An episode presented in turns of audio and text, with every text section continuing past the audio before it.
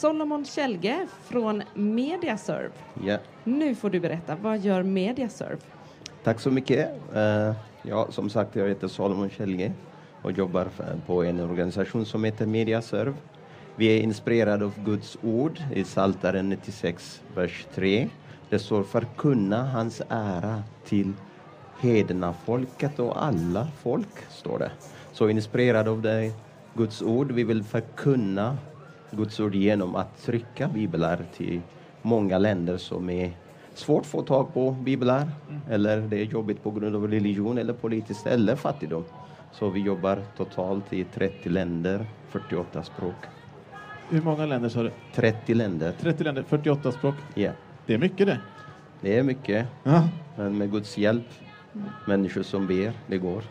Och ni trycker alltså biblarna och sen skickar ni dem då till Ja, de vi olika länderna? trycker dem utomlands i Indien eller Kina och skickar vi dit det behövs. Mm. Och då har vi lokala partners som kan jobba med distribuera och se till att biblarna kommer till de som mest behövande. Vi säljer inte biblarna, vi ger gratis. Fantastiskt. Vi har ju lyssnat till flera olika gäster under veckan här som pratar om att man är ute och evangeliserar på olika sätt. Men för att då kunna följa upp och en del i att det ska bli församlingar och kvarvarande så är det viktigt att det finns Guds ord, att Bibeln finns då på språk i länderna där det behövs. Det är sant. Det är så att till exempel, jag kom från Etiopien. Jag har blivit frälst genom pingstarbete i Etiopien och eh, det är väckelse i Etiopien. Men om det väckelset ska fortsätta och församlingen ska planteras, Guds ord måste finnas. Jag har själv växt upp utan bibel. Jag fick min bibel, första bibel från en missionär själv. Så jag ser behovet. Många har aldrig sett bibeln, även om de är kristna, de har ingen bibel. Och bara enda de ser är när predikanten har på söndags förmiddagsgudstjänsten. Så det behövs biblar på det viset. Hur finansierar ni det här? Det är genom givande, stora givande eller små givande. Och ja, det är genom det. Så Så om man vill hjälpa till och förmedla biblar till 30 olika länder, hur gör man då? Ja, då är det nu är modern tid. Förr var det lite jobbigare. Nu finns det hemsida. Man kan se vad vi gör, vilka länder vi involverar. Några länder vi vill inte skylta om. Lite ja, jobbiga länder finns också. Men det finns möjligheter att ge givande genom Swish eller eh, plusgiro och konton. Så på det viset kan man eh, sponsra och hjälpa till. Och ibland kan man printa tillsammans. Vi kan trycka biblar och ge till ändamålet, till exempel som pingstförsamlingar. Vi har systerkyrka i Etiopien.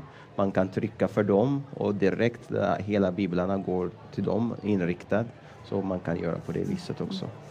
Er hemsida då, det är mediaserve.org Org. så att man hittar rätt. Ja. Vad kommer det att säga att du brinner för det här och har valt att engagera dig i det här arbetet?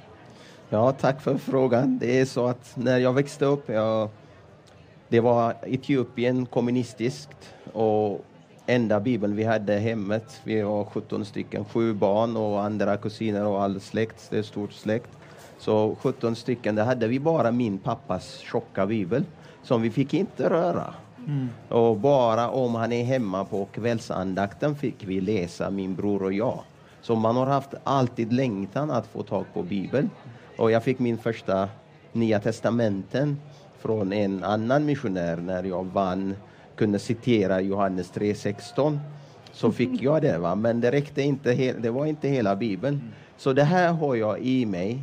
Och sen dess jag har varit, jag menar, alla missionärer som man har jobbat med har också påverkat en för att jobba för Guds ord och predika evangeliet. Sen jag kom till Sverige 25 år sedan exakt nu.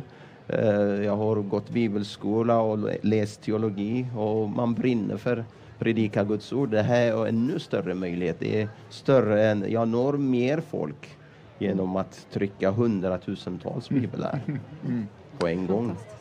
Det här är inte första gången du är på Nyhem. Vi pratade lite om vi hade sett har varit här förut. Men har du hunnit se någonting eller känna av någonting utav årets Nyhemsvecka? Eller har du varit här i Piemonterhallen och fastnat Ja. så att säga? Ja, jag har varit överallt eh, eh, på montrarna och mest och främst mötena har jag varit. Och det är spännande tid känner jag att jag som kom till Sverige 25 år sedan och sett svensk pingstmissionsarbete i Etiopien. Det var lite annorlunda när jag kom 25 år sedan. Nu ännu mer förändrat. Men tonen som vi har hört, all budskap som jag lyssnar på just nu, det känns att det finns någonting på gång. Det är en ny tid, verkligen. Och det är det som uppmuntrar mig och jag verkligen brinner för Sverige också, även om jag trycker för ut, utlandet, utomlands, skickar biblarna dit. Men jag brinner för också Sverige som invandrare, en som är missionsfrukt, vill jag verkligen vara med en del av det här och sprida Guds ord i Sverige också. Mm. Vad tar du med dig hemifrån den här veckan? Är det något särskilt ögonblick eller någon särskild förkunnelse eller sådär? Ja, utmaningen som eh, vi har fått eh, om Isaia 43, en, eh, vers 19, en ny tid, det är egentligen det temat hela mm. veckan. Va? Mm. Det är den som jag verkligen, det är en ny tid för Sverige. Mm. Eh, det som man ser på sociala medier och överallt, vissa kommuner, vi har jobbigheter och ibland församlingarna är inte så många, kommer till mötena efter covid särskilt.